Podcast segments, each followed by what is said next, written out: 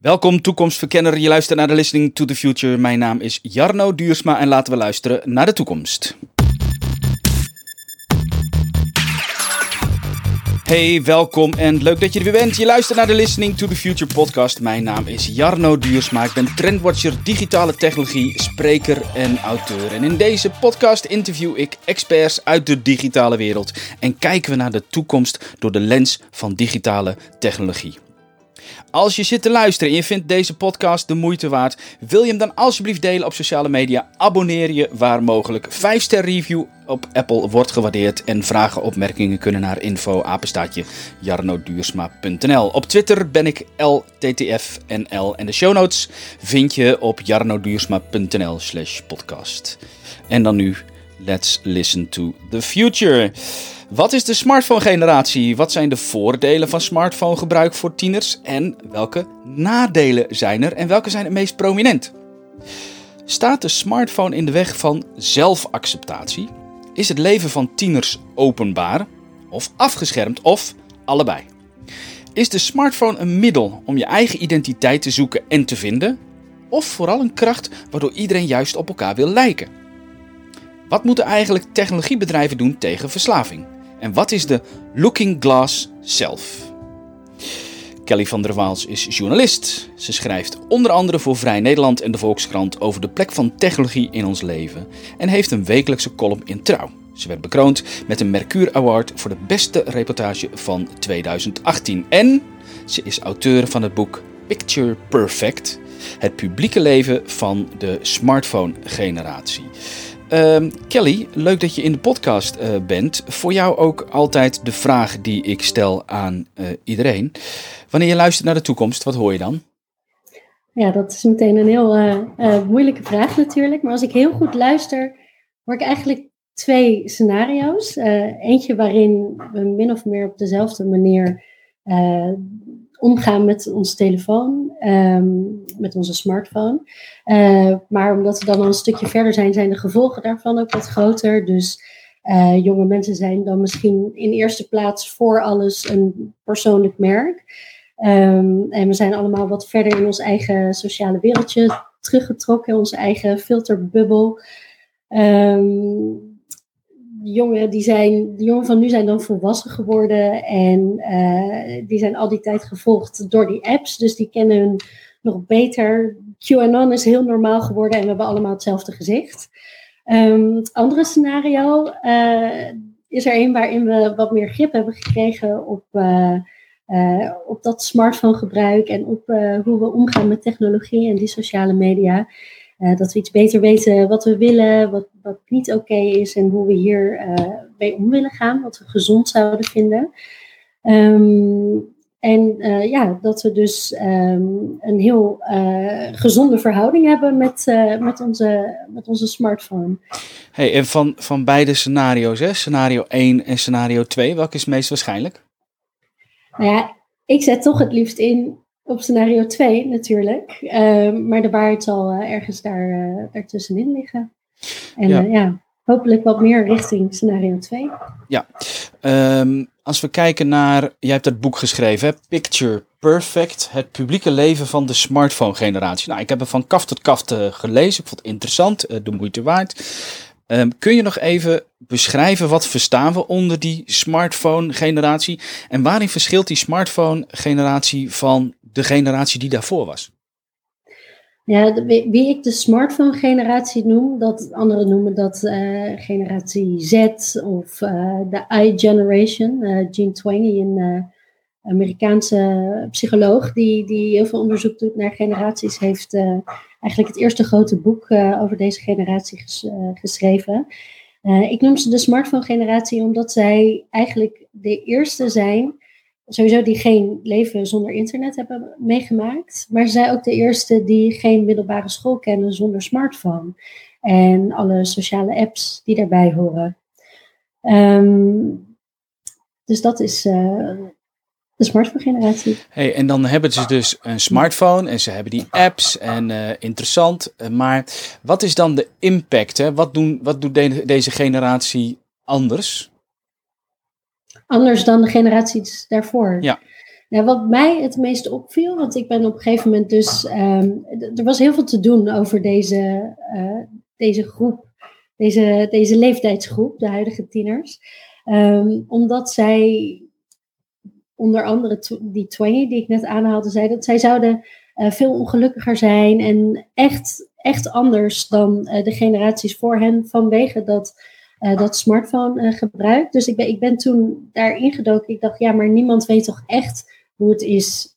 Niemand weet het in ieder geval beter dan deze tieners zelf, want zij maken het mee. En wij kunnen daar als oudere generaties ook niet zoveel over zeggen, want wij weten niet hoe het is om elke dag je middelbare school zo'n telefoontje bij je te hebben om zeg maar de school mee naar huis te nemen, thuis mee eh, naar school en daar ook van alles, eh, ehm, allerlei sociale relaties eh, te onderhouden en jezelf te laten zien. Ehm, dus ik ben toen met, eh, met een hele hoop tieners gaan praten, uitgebreid, en ze gaan volgen. En ehm, wat me eigenlijk al gauw begon op te vallen, is dat zij echt van meet af aan een publiek leven leiden.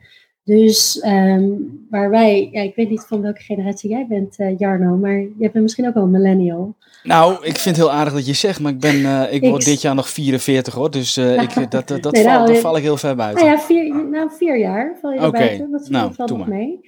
Ehm, maar, ja, zeg maar wij zijn op een veel latere leeftijd pas eh, ons, ons eigen plaatje gaan cureren op Facebook. Of misschien, al, misschien zat jij al op MySpace, dat weet ik niet. Ehm, maar deze ja, jongeren, sommigen die zijn al eh, begin twintig inmiddels, eh, die doen dat dus al van, vanaf hun, middelbare school. Hebben ze een soort, het zijn een soort microberoemdheden. eh zeg maar, zij worden gevolgd soms wel door duizenden mensen. En eh, aan al die duizenden mensen, dat zijn men- mensen die ze kennen, mensen die ze niet kennen, mensen die ze, eh, waar ze familie van zijn, of goede vriendinnen, of die ze kennen van de hockeyclub of de voetbalclub. Dus dat zijn allemaal mensen met wie je eigenlijk normaal heel verschillende eh, relaties hebt.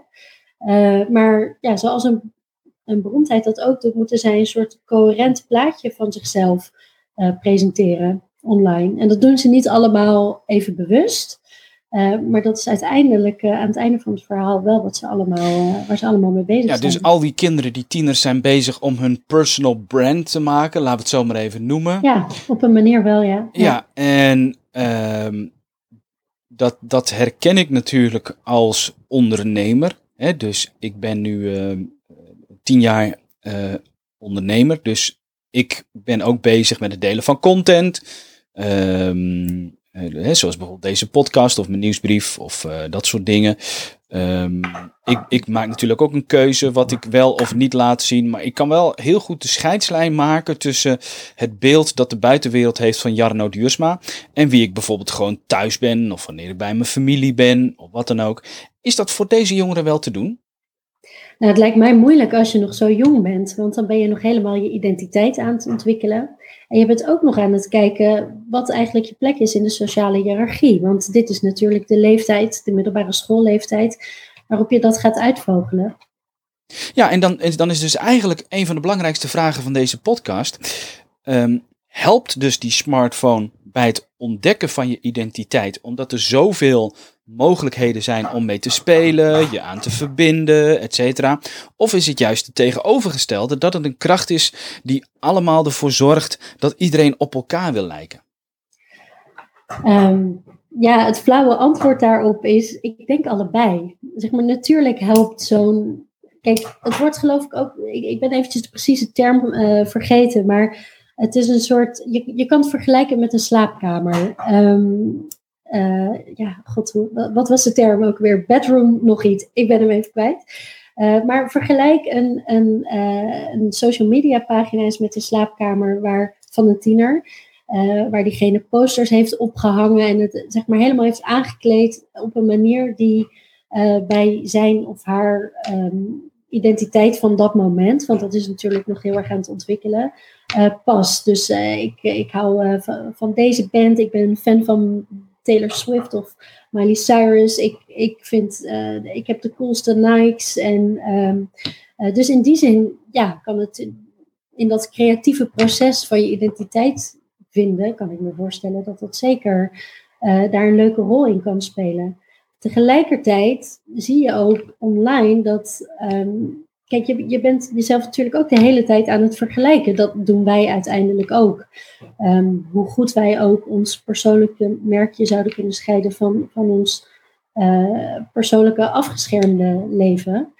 Um, uh, dus ja, en, en als je zo deed het naar elkaar zit te kijken, ga je elkaar ook nadoen. Dat zit ook een beetje in, in de mens. Uh, nomadics, je, je probeert de hele tijd um, al dan niet bewust uh, ben je elkaar een beetje aan het nadoen. En op die leeftijd natuurlijk helemaal. En wat dan ook nog meespeelt, is dat je, nou ja, we hadden het net over sociale hiërarchie. Populariteit is iets heel belangrijks in, in uh, uh, nou ja, ook voor ons, maar al helemaal in die leeftijdsgroep. Um, en dat, dat is natuurlijk heel makkelijk uh, te zien, uh, af te lezen in, in, in cijfertjes omgezet uh, online. Dus of het nou Instagram is of, of TikTok, je ziet heel prominent staan hoeveel volgers je hebt, hoeveel mensen iets geliked hebben, ga je viral of niet. Um, en ja, dan zie je toch hoe, hoe mooier iemand is. Dat, is. dat bleek ook wel uit de gesprekken met vooral de meiden. Ik heb ook jongens gesproken, maar voor meiden weet dat toch zwaarder. Uh, dat uh, ja, als, als iemand, uh, als een heel knap meisje wat meer van zichzelf laat zien op een bepaalde manier, ja, daar krijg je uiteindelijk meer likes voor. Je krijgt ook meer likes voor een selfie dan voor een foto van een mooie zonsondergang bijvoorbeeld. Hey, als je kijkt naar die tieners, hè, en jij schetst dus een beeld ook in je boek met al die interviews van die tieners. Ze hebben um, heel erg een beeld van wie ze zouden willen zijn. Nou, dat is, dat is allemaal uh, spontaan, uh, humoristisch, uh, zelfverzekerd. Dat zijn die standaard cliché ja, dingen. Die ook um, onze generatie ik, gelden. Ja, die, die, sterker nog, die gelden bijna universeel. maar ik, terwijl, terwijl we aan het lezen waren, en jij noemt ook die likes en die populariteit, maar terwijl ik aan het lezen was, dacht ik ook van, ja, maar het is toch, hoe, hoe fijn is het tussen aan, ja, hoe fijn is het eigenlijk om ook te ontdekken dat je misschien wel onzeker bent of dat je, ja, dat sommige van die dingen eigenlijk helemaal niet bij je passen. Is het ook niet, um, laten we ook niet onze eh, tieners, laat ik het zonder melodramatisch, maar laten we niet onze tieners te veel meeslepen in een wereld die eigenlijk wel uiteindelijk bijzonder oppervlakkig is. Ja, ik denk het wel. Kijk, je ziet natuurlijk wel, um, je, hebt bijvoorbeeld de body positivity beweging, die is nu heel sterk. Want het, het, is voor iedereen wel duidelijk dat het niet altijd fijn is om op Instagram rond te hangen, waar je de hele tijd die lat zo hoog ziet liggen. Um, tegelijkertijd, ja, het zou heel mooi zijn als, als, als dat iets meer de norm zou worden. Maar um, uh, ik, ik denk niet dat dat. Uh, het, het, is wel een sterke beweging, maar ik zie nog niet heel erg duidelijk die shift. Ik bedoel, uiteindelijk probeer je toch altijd inderdaad de, de, uh, de, de mooiste, leukste, gezelligste kant van jezelf uh, te laten zien. Dus het, ja, het zou wel mooi zijn om. Uh, sorry, wat was precies je vraag nou? De vraag was ehm, of we daarmee onze, door dit soort instrumenten in hun handen te geven, of we niet hun veel te veel bezig laten zijn met de oppervlakkige kant van zaken. Ja, ik denk het wel eigenlijk. Eh, je zou ze daar natuurlijk in kunnen begeleiden en je kan daar ook het gesprek bijvoorbeeld over aangaan. Um, maar uiteindelijk is het natuurlijk wel een popularity contest. Dus uh, ik denk dat het wel heel moeilijk is om dat element eruit te halen. Ja, en als we het hebben over body positivity, voor de mensen die uh, zelden nooit op dit soort platformen kijken, dat zijn over het algemeen uh, vrouwen uh, die dan hun lichaam laten zien die niet voldoet aan het standaard fotomodel principe wat je veel op sociale media ziet. Maar ik moet daar ook bij, bij zeggen met een een kleine cynische ondertoon. Het zijn allemaal vrouwen die over het algemeen iets steviger zijn, maar nog steeds volgens de norm vaak heel aantrekkelijk zijn om te zien. Absoluut. Het is ook een beetje body positivity uh, op een manier waarvan ik denk, ja, ja, het is maar wat je body positivity noemt. Ja, net als dat er een paar jaar geleden opeens iedereen zonder make-up uh, op Instagram kwam. En dan hadden ze hadden ze echt nog wel vaak uh, mascara op. En het waren vaak beroemdheden die er toch wel heel erg mooi uitzagen. En guess what? Instagram is groot geworden met zijn filters. Dus daar valt ook nog wel wat te tinkeren. Um, ja, het doet me ook een beetje denken aan het begin, de beginjaren van die Dove-reclame. Dat op een gegeven moment had, had uh, Dove, dat zeepmerk, had uh, allemaal quote-unquote gewone, echte vrouwen in, in hun reclame. En dat waren, aan de ene kant zeiden ze daarmee, oh, weet je wel, kijk, deze vrouwen wijken af van het schoonheidsideaal. Dus het zou geen schoonheidsideaal moeten zijn. En tegelijkertijd waren het ook nog natuurlijk uh, allemaal mooi. Uh, het waren binnen de categorie waar zij vielen, allemaal vervolgens weer een schoonheidsideaal. Ja, prachtige vrouwen. Ja, prachtige vrouwen om te zien. Uh, zo, hè, dus dat, dat, dat, dus, dus, kijk, ik las jouw boek en er waren bladzijden dat ik dacht, we've created a monster.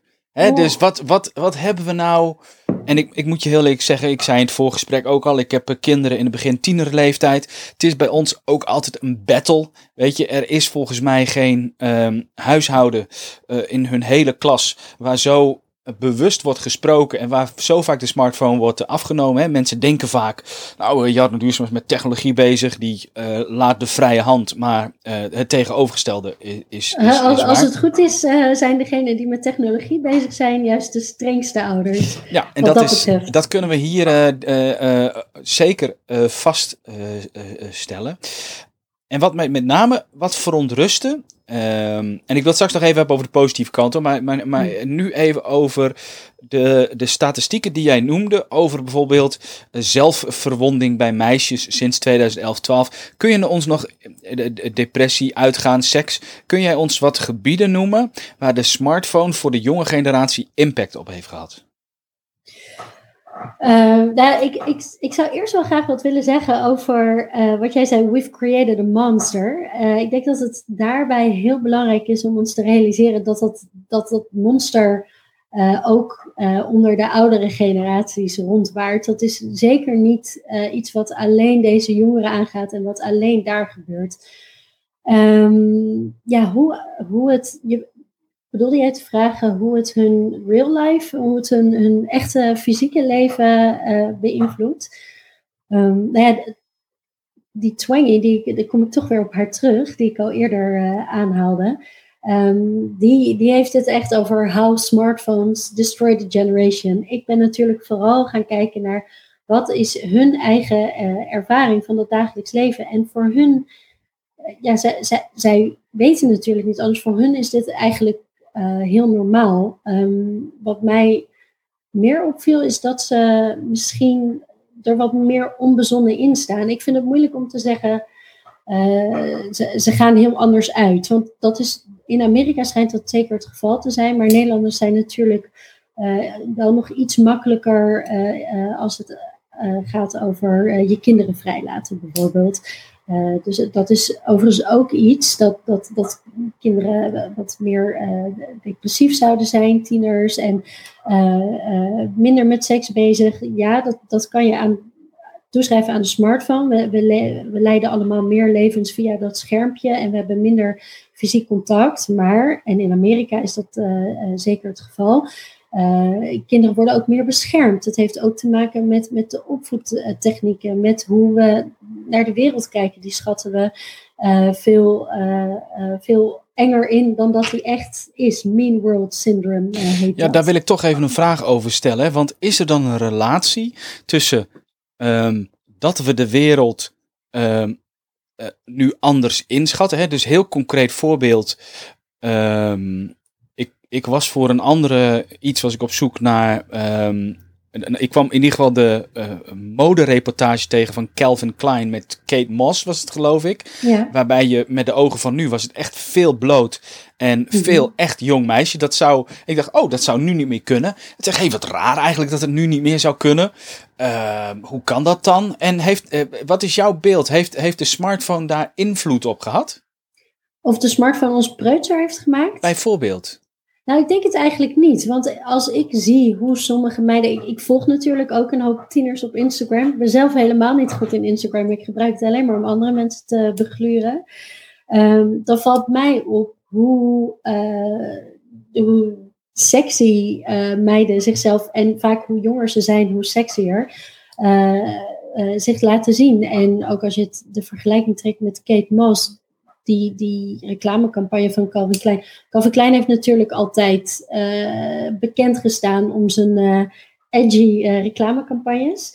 Um, en enkele campagnes zelfs teruggetrokken. Het ging altijd over jonge mensen, veel naakt, nou, een beetje borderline van, van wat nog oké was.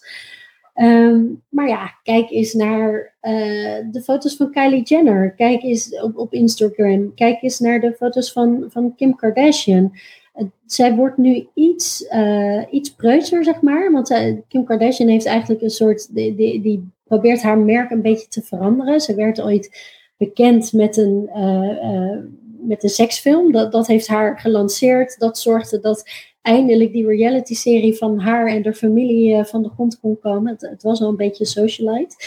Um, maar nu, de laatste jaren, is ze een moeder van vier kinderen. Dus haar images probeert ze een beetje te veranderen. Uh, maar een paar jaar geleden, als ik op de uh, Instagram van Kim Kardashian zat en echt even alleen op haar pagina keek, dacht ik wel eens van, nou, dit is gewoon, dit is gewoon soft porno. Uh, en, en daar kan, dat is openbaar toegankelijk voor iedereen. Daar kan iedereen naar kijken. En een hele hoop meisjes meten zich daaraan. Dus uh, ik heb niet het idee dat de smartphone ons preutser heeft gemaakt. Ja, dat, uh, maar dan kijken we heel even onder de motorkap. Want dan denk ik, oké, je hebt aan de buitenkant dus meer sexy poses. Of misschien meer decolleté of whatever. Oké, okay, dat snap ik. Maar uh, beïnvloedt dan dat bijvoorbeeld Um, dus het, het, het, beïnvloedt sowieso natuurlijk hoe meisjes naar zichzelf kijken. Op Instagram -hmm. ligt de lat heel hoog. Um, en ze doen het na, hè? Dat, ze doen het, het nadoen na. is heel belangrijk. Het nadoen is heel belangrijk, hè? Waardoor je ook een soort eenheidsworst krijgt in hoe, hoe iedereen eruit ziet. Vind ik Want dat, sorry dat ik even, maar dat is trouwens wel iets belangrijks om even te onthouden. Dat in dat nadoen, het is, we hebben natuurlijk altijd beroemdheden nagedaan. Dezelfde kleding gedragen, dezelfde weet ik veel, handgebaren bijvoorbeeld, of, of wat dan ook je daar. Dezelfde kapsels. De Rachel was heel, heel populair toen uh, uh, Jennifer Aniston en Friends uh, op tv waren. Maar nu maken die meiden hetzelfde plaatje na om aan een groot publiek te tonen. Dat is anders dan, het in het, dan dat je je zo kleedt naar school en je je onder je vrienden zo gedraagt. Dus ik denk dat dat wel, dat dat, dat, dat imiteren, dat mimiken, dat dat daar wel een grote rol bij speelt. Ja, uh, dat moet ik ook zeggen hoor. Ik weet bijvoorbeeld um, dat toen ik kind was, toen waren heel veel meiden die uh, kleden zich als Madonna. Ja, je bent toch wel echt wat ouder dan ik. ik ben echt wat ouder. Ja hoor. En ik zat om je eerdere vraag nog te beantwoorden. Ik zat inderdaad ook heel actief op MySpace, maar dat is weer. Um, ja. Hey, um, nog even helemaal waar we het begin over hadden. Um, ik vroeg, is, bestaat er nou privacy of is dat leven afgeschermd? Um, in hoeverre kunnen dus tieners dat onderscheid, uh, de smartphone, dat onderscheid maken tussen, oké, hier ben ik dus eigenlijk bezig met mijn merk en dit laat ik zien. En ach, uiteindelijk, at the end of the day, ben ik ook maar gewoon uh, Marike of Josien of uh, Fatima of whatever. Um, nou, in principe kunnen ze dat onderscheid goed maken. Um, maar het is volgens mij wel lastiger, wat ik al zei, op die leeftijd dan, dan je denkt. Um, kijk, ik heb meiden gesproken, zoals het groepje dat ik in Amsterdam uh, wat intensiever heb gevolgd de afgelopen jaren, die vooral toen ze een jaar of 15 waren, um, eigenlijk heel makkelijk erin waren. Ze konden het heel goed, dat is één ding. Zij waren ook natuurlijk het populaire meidengroepje van de klas. Dus uh, ze, ze, wisten allemaal wel hoe, hoe, hoe het werkte. Um, dus zij zijn ook wel, ja, uitzonderlijk wil ik niet, niet zeggen, maar zij, zij, zij waren er wel het beste in. Ze behoorden tot uh, het, het groepje. De, uh, het groepje meiden dat ook het beste wist die, die sociale media voor zich in te zetten. En die heel goed daarop een plaatje wisten te cureren. Um, en iedereen die ik heb gesproken was op zo'n manier bewust bezig met, um, nou ja, mensen, mensen kunnen mij zien online. En, en ik, heb ook een ik ken er ook een hoop die om die reden hun Instagram-account afschermden. Dus dat laat al een beetje zien van ze weten het wel en ze, ze kunnen het wel van elkaar loskoppelen. Uh, maar aan de andere kant, bepaalde dingen als het gaat bijvoorbeeld over privacy, um, die, die meiden waar ik net over vertelde, die, die daar heel goed in zijn, uh, die, die hebben ook een business account op Instagram, zodat ze helemaal kunnen tracken hoeveel mensen hebben deze foto gezien, hoeveel mensen hebben geliked en dus ook niet geliked, uh, hoeveel mensen hebben gekeken waar ik nu ben. En ze zijn een soort van hun eigen uh, agents, van hun eigen fame. Um, maar als ik het dan met hun erover had, van ja, maar je wordt dan eigenlijk dus, weet je wel, uh, zoveel mensen hebben jouw foto opgeslagen, dat weet je. Maar wat nou als dat een hele vieze vent is? Ja, dat kon ze dan niet zoveel schelen, weet je wel. Dat namen ze op de koop toe. Dus um, ze, ze weten wel heel erg, ze, kennen die spanning wel tussen um, dit ben ik in, in real life en dit laat ik afgeschermd. Uh, en ze doen een beetje alsof ze nou, gewoon heel veel van zichzelf durven te laten zien. Ik heb dat plaatje toch gecureerd zelf. Maar um, in de praktijk denk ik wel dat het veel meer in elkaar overloopt dan ze zelf denken. Dat was ook mijn beeld bij het lezen van jouw boek. Dat ik dacht, als je zo actief bezig bent om dat beeld op te bouwen en te cureren. Dat je naar een bepaald koffietentje gaat omdat je weet dat je daar een leuke foto kunt nemen. Wanneer uh, um, wordt dat zo blurry dat het uiteindelijk je identiteit ook overneemt. En dat je ook daadwerkelijk denkt dat dat uh, belangrijk is. Snap je? Dus dat vind ja. ik een spannend gebied. Maar dat kan je ook afvragen over. Ja, dat kunnen wij ons ook afvragen. Mm -hmm. Zeg maar in hoeverre. Want dat, dat is natuurlijk ook onderdeel van wie je bent. Je kan wel denken: oh, thuis bij mijn ouders ben, ben ik een heel ander iemand dan zeg maar dat plaatje dat ik van mezelf maak op Instagram. Ja. Sure, maar het is ook een plaatje dat jij van jezelf hebt gemaakt. Dat jij van jezelf laat zien en aan iedereen toont. Het is jouw creatie. Dus het is ook, het is ook wie je bent. En je draagt het ook met je mee, uh, dat stukje. Dus in die zin, het, het loopt volgens mij veel meer uh, in elkaar over uh, dan, dan dat zij misschien zelf ook denken. Ja. Nou, wat ik zelf um, ik heb in 2012 een boek geschreven over sociale media strategie.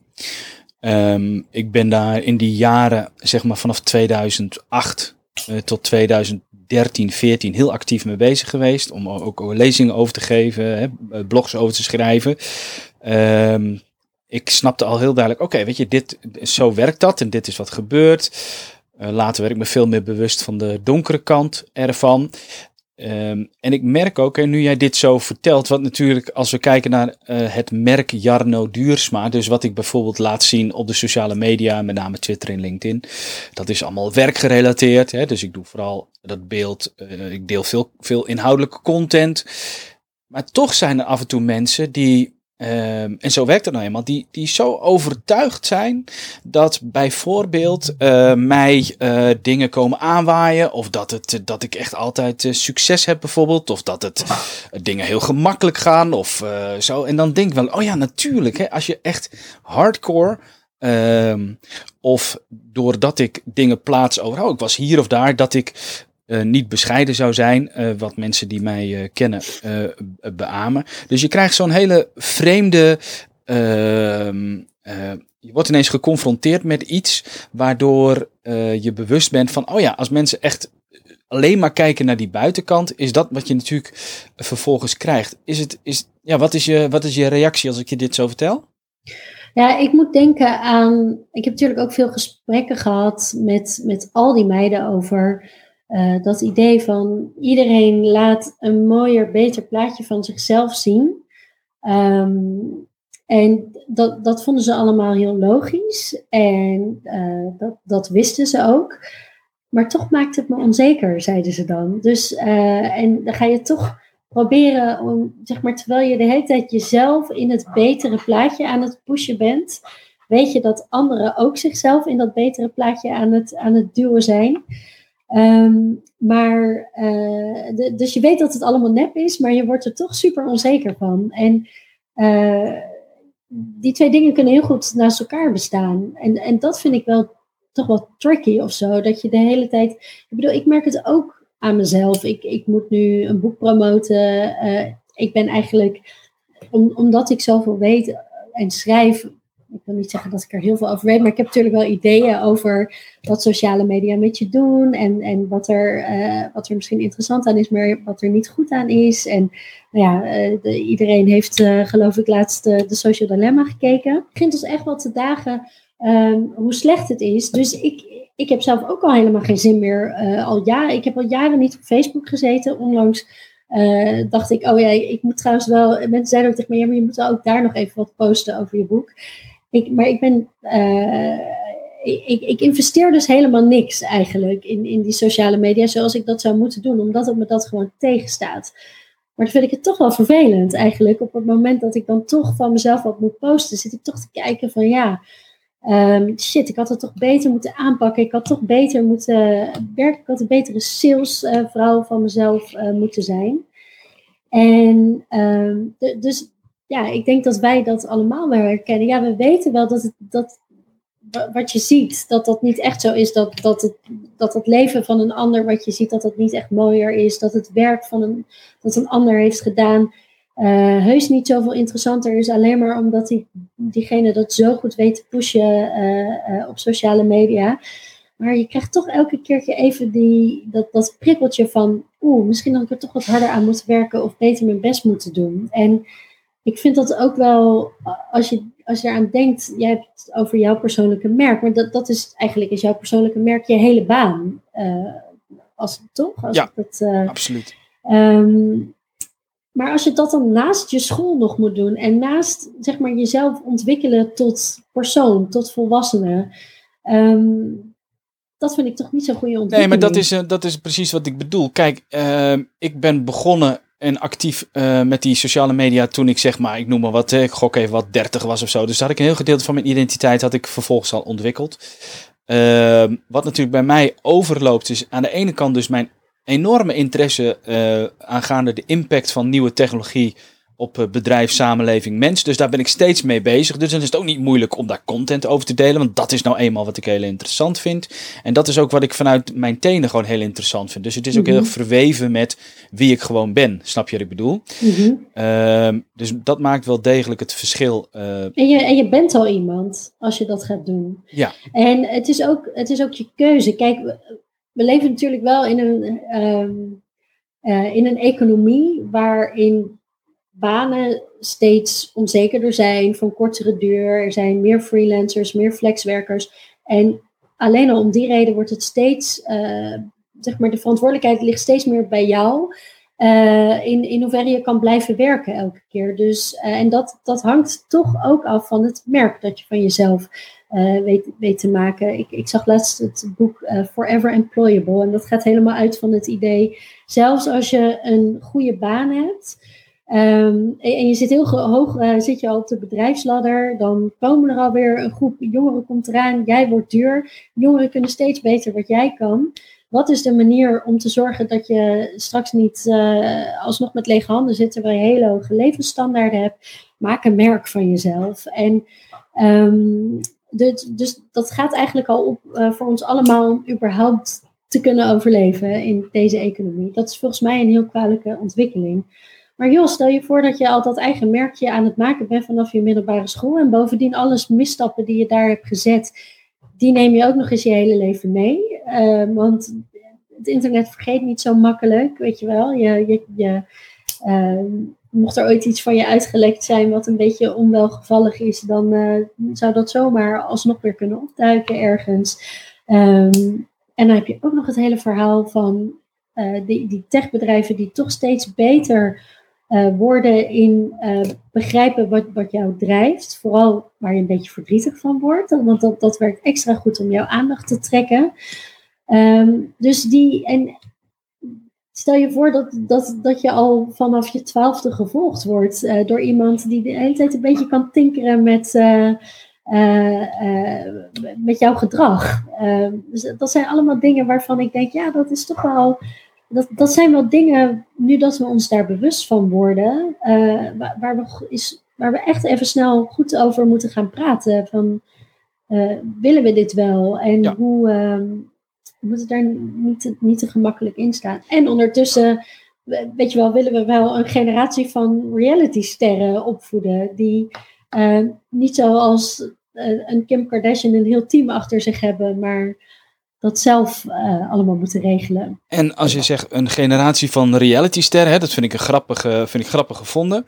In je boek beschrijf je ook dat naarmate dit, deze club meiden die je allemaal gevolgd hebt, ouder worden, dat ze ook het, het, zich er wat meer, dat ze er wat realistischer in staan. Geldt dat voor iedereen?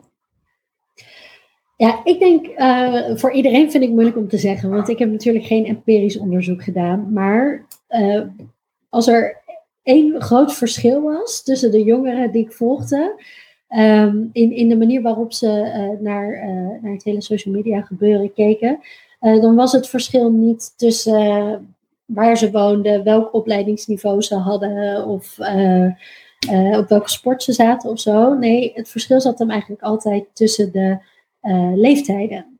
Dus um, iemand van 12 doet het gewoon op een heel andere manier dan iemand van 15. Iemand van 15 vindt iemand van 12 op sociale media echt geheel bizar. Uh, ze, kijken namelijk ook allemaal met, met uh, ja, haast geschokt naar hoe de jongere generatie, zoals ze dat noemen, uh, het doet. En ook naar hoe hun jongeren zelf het doet. Geldt trouwens ook voor 12-jarigen hoor. Dat zij het idee dat hun broertje of zusje van 8 of 10 een smartphone zou krijgen. Dat kan echt niet. Dat, dat, dat, dat kan niet door de beugel. Um, dus ja, naarmate ze ouder worden, uh, ja, zeg maar die, die, die identiteitsontwikkeling en je, je plek in de groep vinden, dat is natuurlijk het meest intensief rond nou ja, 13, 14, 15 jaar. Dus het is logisch dat het daarna iets versoepelt, dat het allemaal wat minder belangrijk is. Maar als we dan weer terugkijken naar hoe wij zelf omgaan met sociale media, dan begrijp je dat het heus, het, het, het wordt wat minder intens, maar het blijft gewoon super belangrijk. Ja, dus het is niet zo dat met de groeien van de jaren uh, iedereen uh, in staat is om dat uh, los te laten en in te schatten hoe relatief het is.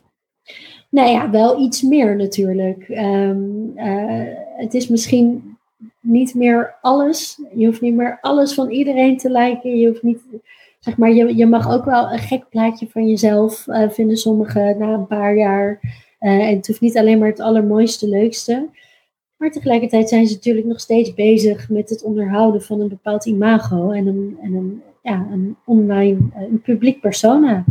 Ja, en um, interessant. Maar wat gaan we nu doen? Dus je ziet telefoonverslaving, hè? dus de aandacht. Niet, ik heb het nu over de smartphone generatie, maar um, voor, ik zou bijna zeggen, voor wie geldt het niet? Mhm. Telefoonverslaving. Je hebt um, aantasting van um, zelfacceptatie. Hè, dus heb je ook, dus waarbij de, de weerspiegeling van die sociale mediawereld allemaal uh, het rode lampje van ons allen uh, aanzet van oh jee, in vergelijking met anderen doen we dat wel uh, goed genoeg. technologiebedrijven die jou steeds beter kunnen nudgen in een bepaalde richting. Ehm, hè, dus en alle bijkomstige nadelen die daarbij bij horen. Um, verslaving van vele uren per dag op je telefoon kijken. Maar wat, kunnen we, wat moeten technologiebedrijven doen? Wat kunnen we zelf doen? Wat kunnen ouders doen? Wat moeten we doen? Wat moeten we doen? het grappige is dat ik eigenlijk dit boek um, niet heb geschreven met een boodschap wat we zouden moeten doen. Ik heb gewoon willen laten zien hoe dat dagelijks leven is voor deze generatie en, en, en ja, wat dat allemaal betekent. Um, wat iedereen aan me vraagt is, wat moeten we doen? um, nou ja, ik denk dat uh, er zijn een paar dingen die, die we moeten doen. Natuurlijk is het belangrijk om, um, om druk te zetten op technologiebedrijven. Uh, daarvoor moeten we ons eerst misschien wat meer bewust worden wat die technologiebedrijven uh, ook doen en hoe dat werkt. En um, het is ook belangrijk om hun niet alleen maar als boeman weg te zetten, want dan dat, dat is te makkelijk. We, we, moeten begrijpen, dit, weet je wel, dit, die sociale media zijn vast ooit met goede bedoelingen verzonnen, met een hoop enthousiasme en um, al moet ik in het geval van Zuckerberg toch zeggen, als je eh, twee vrouwen naast elkaar gaat zetten en ze een, gaat, een rating gaat geven, dan is dat misschien niet het allerbeste, allerbeste motivatie en allerbeste start van zoiets belangrijks. Maar laten we er even van uitgaan dat, dat het nooit bedoeld is om een soort van groot manipulerend mechanisme te, te worden. Maar dat is wel gebeurd. En dat komt gewoon ook door, door hoe die, dat hele verdienmodel in elkaar zit. Daar, daar moeten we ons een beetje bewust van, van gaan worden.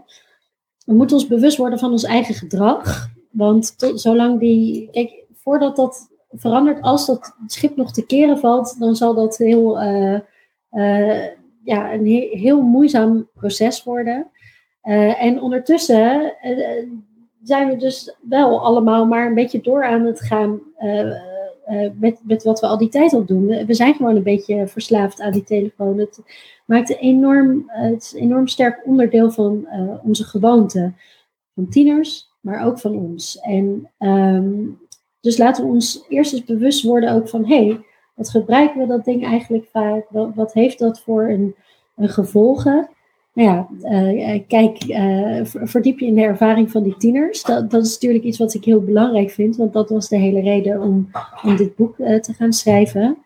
Want zij zijn de generatie die uiteindelijk een grote rol zal gaan spelen in het bepalen van die, van die normen. Ehm, nou ja, overheden moeten natuurlijk hun, hun werk hierin gaan doen. Uh, en, en, en we moeten met elkaar erover hebben, wat ik net al zei. Het, wordt, het is gewoon belangrijk dat we dat gesprek daarover aangaan. Kijk, zo'n body positivity beweging heeft misschien nog niet zoveel effect, maar het is wel belangrijk dat die er tenminste is. Dat we weten, en de meeste mensen kennen inmiddels die term ook, van oh ja, dus dat, dat, daar, is een soort van, het, het, is nog niet een goed tegenwicht, maar er, er is in ieder geval iets. We begrijpen al van, oh ja, body positivity, oh ja, het is eigenlijk, eigenlijk klopt het niet hoe we onszelf uh, laten zien op internet en hoe we daarover kijken en wat, wat we niet uh, oké van elkaar vinden. Um, ja, en het is gewoon heel belangrijk om je eigen gedrag onder de loep te leggen. Ook als je, dat je zei van, wat moeten we als ouders doen?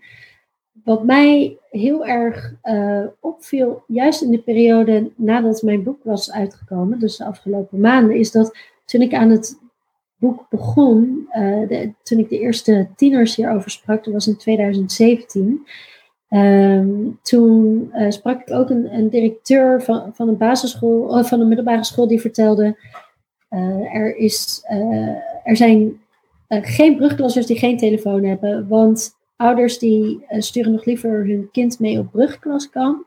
Uh, die, die geven hun uh, kind liever een smartphone dan ze mee te sturen op brugklaskamp. Zo belangrijk is dat ding om erbij te horen. En dat vond ik drie jaar geleden. Dacht ik, wow, wow is dat echt al zo? En, en wat heftig. En dat heb ik natuurlijk vaak geciteerd. En alsnog weet ik hem niet zo goed te citeren vandaag. Uh, maar, um, en nu, na mijn boek, spreek ik mensen die zeggen: Oh ja, maar tegenwoordig is tien jaar eigenlijk al heel normaal. Het is een enorm glijdende schaal. Um, en ik denk dat het belangrijk wordt om dat een beetje te ontnormaliseren. Dus zolang we denken: Oh ja, maar de grote zus van, van die, die heeft, Jans grote zus heeft al een telefoon.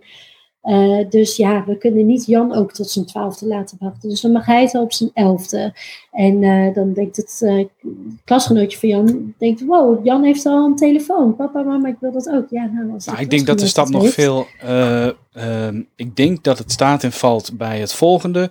Als ik kijk naar mijn kinderen, mijn dochter mocht relatief laat een smartphone, wat ik al zei. Welke leeftijd?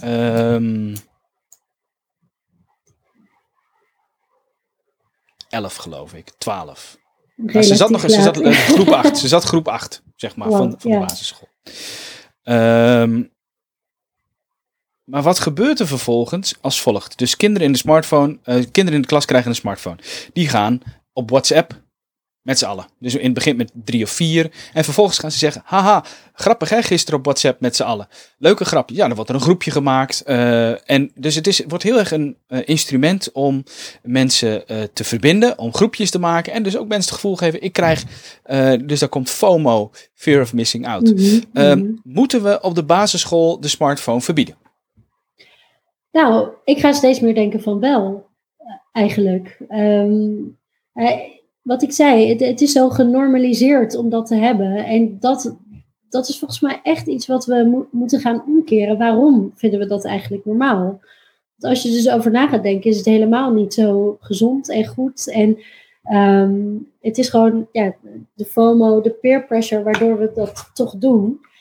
Uh, maar we kunnen daar natuurlijk ook als ouders onderling over gaan hebben. In plaats van maar de hele tijd klakkeloos elkaar te kopiëren. Nee, dat snap ik. Maar het werkt dus als volgt. Er, zijn, er, zijn, er is een gedeelte van in zo'n klas van ouders die zegt: Ja, mij maakt niet uit. Weet je, uh, ik heb hier toch een oude smartphone liggen. Mijn kind is negen. Nou, gebruik maar. Speel maar lekker spelletjes. Maakt mij helemaal niet uit. Die, die zijn er niet zo mee bezig. Oké.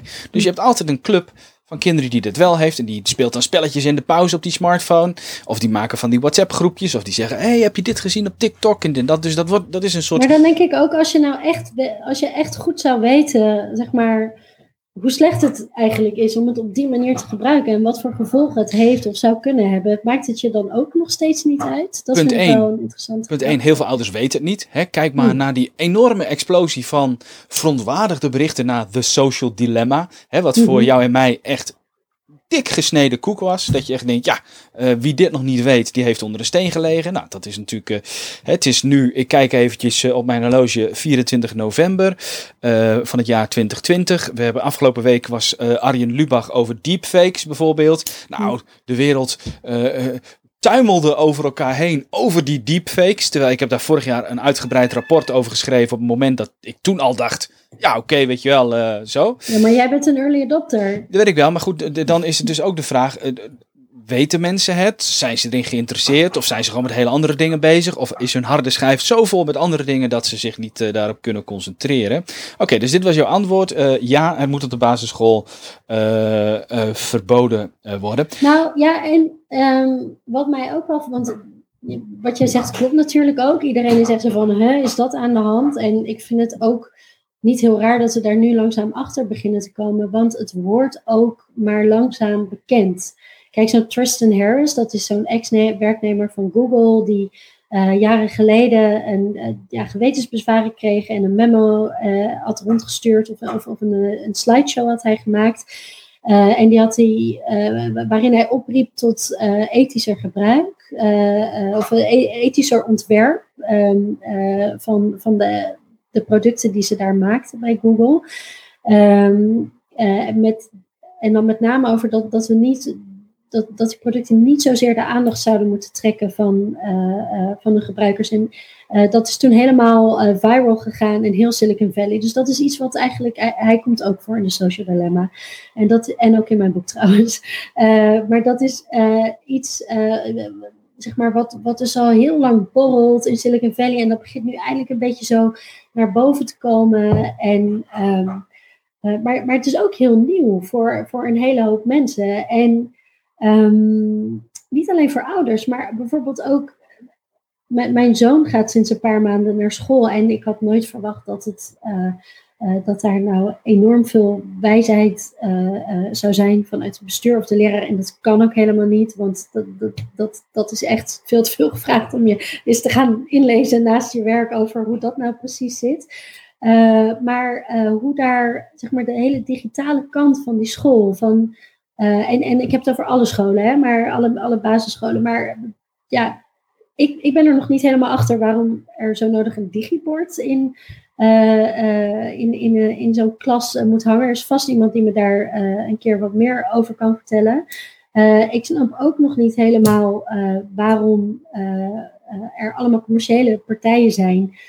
die kindvolgsystemen verkopen aan die scholen waar zeg maar, ik, ik kan daar ook geen nee tegen zeggen. Die, uh, alle gegevens van mijn zoon uh, die, die zitten daarin. En hij gaat acht jaar uh, door zo'n ja, door zo'n systeem gevolgd worden. En, um, dus, en er, tegelijkertijd is er heel weinig know-how, zeg maar. Dus dat hele digitale is heel belangrijk. En er wordt heel erg in meegegaan.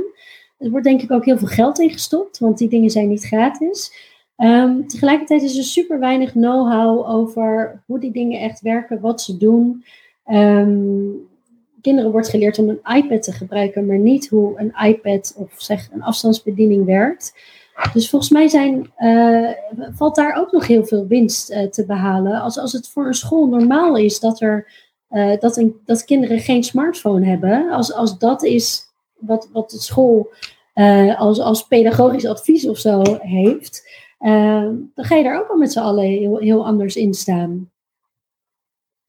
Ik snap wat je bedoelt. Hè? Ehm, heb jij ook in die gesprekken met de tieners merkt je ook veel voordelen? Want we hebben nu veel over de donkere kant en de negatieve kant. Maar merkt je ook de voordelen daarvan?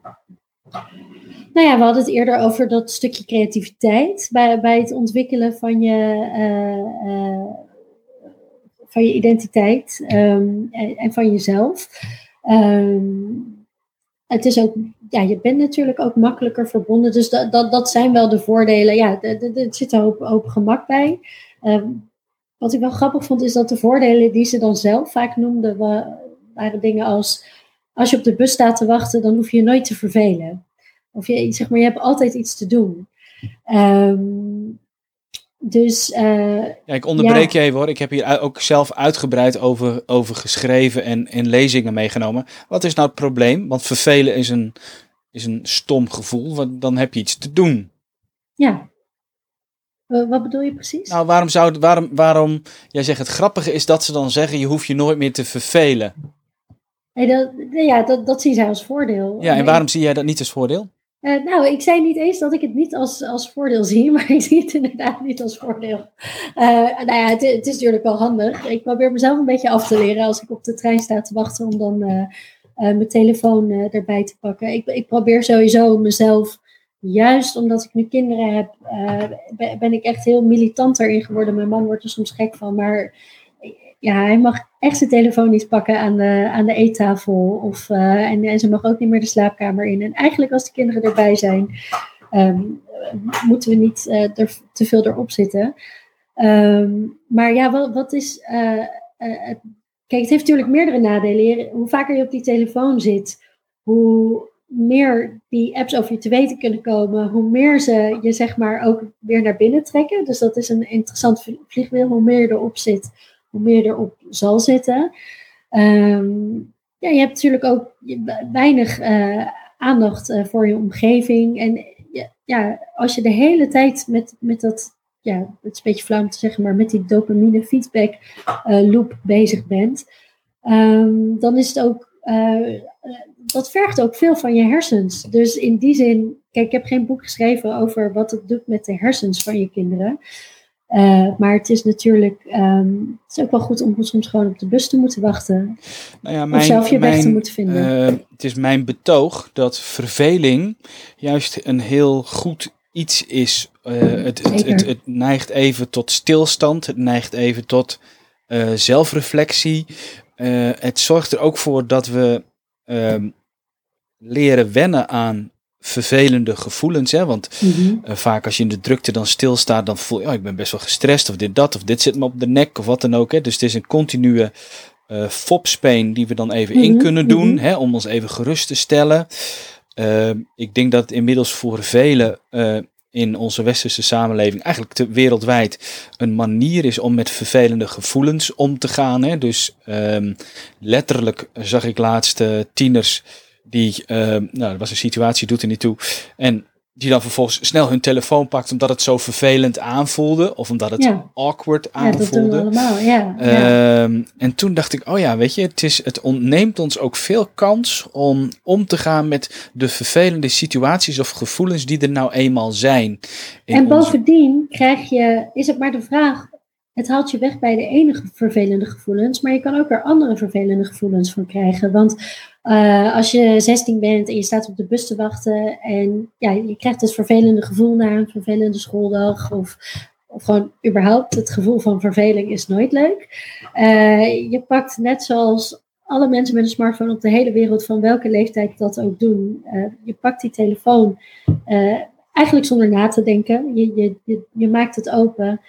je opent Instagram en daar staat een foto van, weet ik veel, dat hele mooie meisje dat altijd net wat leuker is dan jij, waardoor je opeens heel erg bewust van bent dat je buik dikker is uh, dan je zelf zou willen.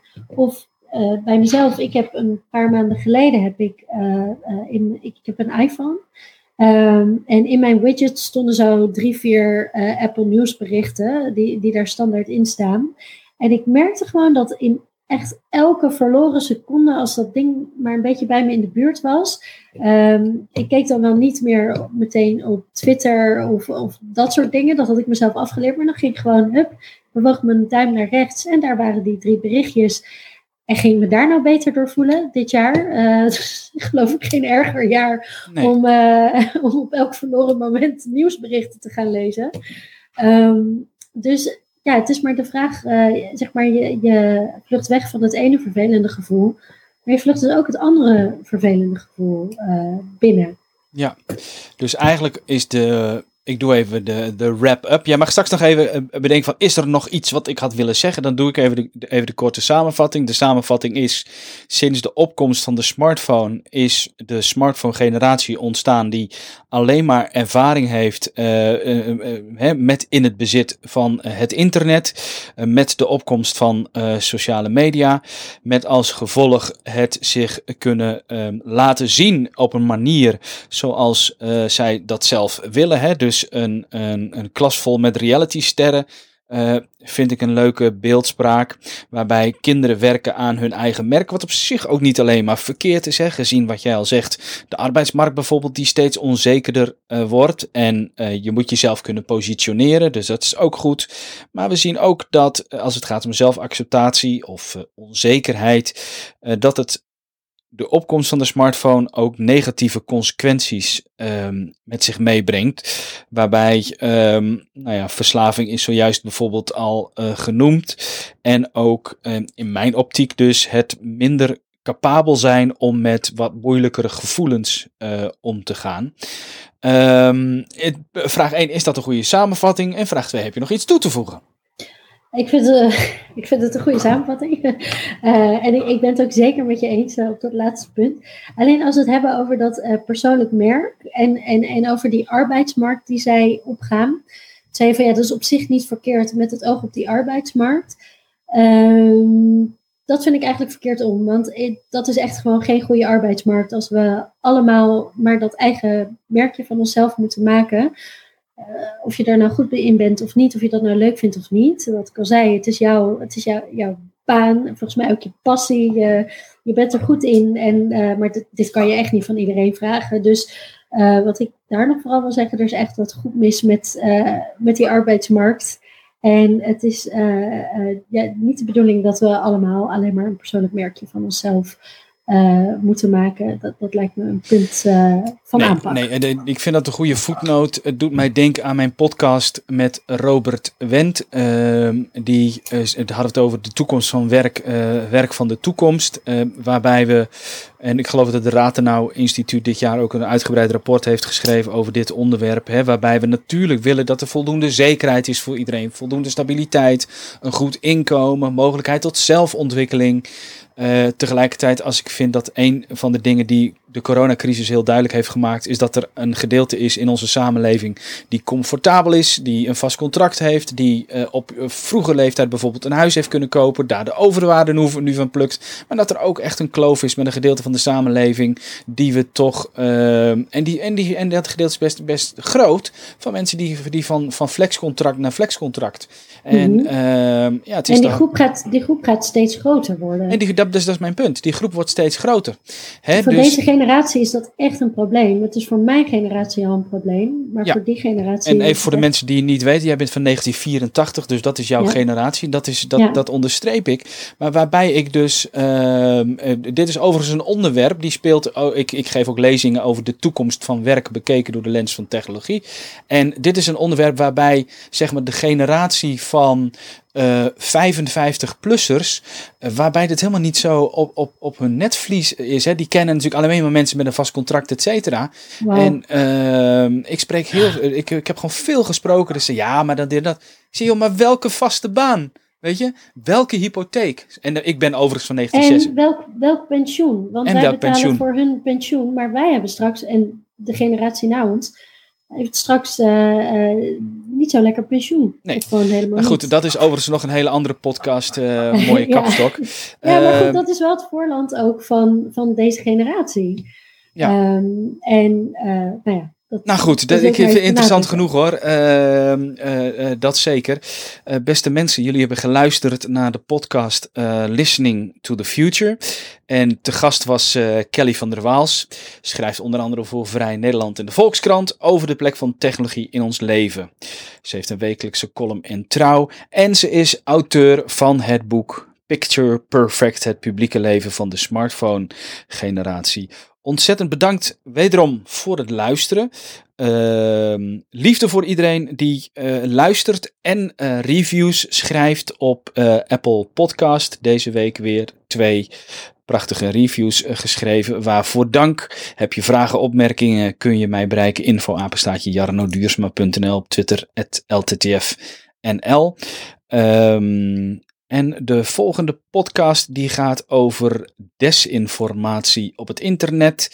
En hoe we ervoor gaan zorgen dat feiten feiten blijven en post-truth en post-reality. Beste mensen, nogmaals bedankt voor het luisteren en tot de volgende Listening to the Future.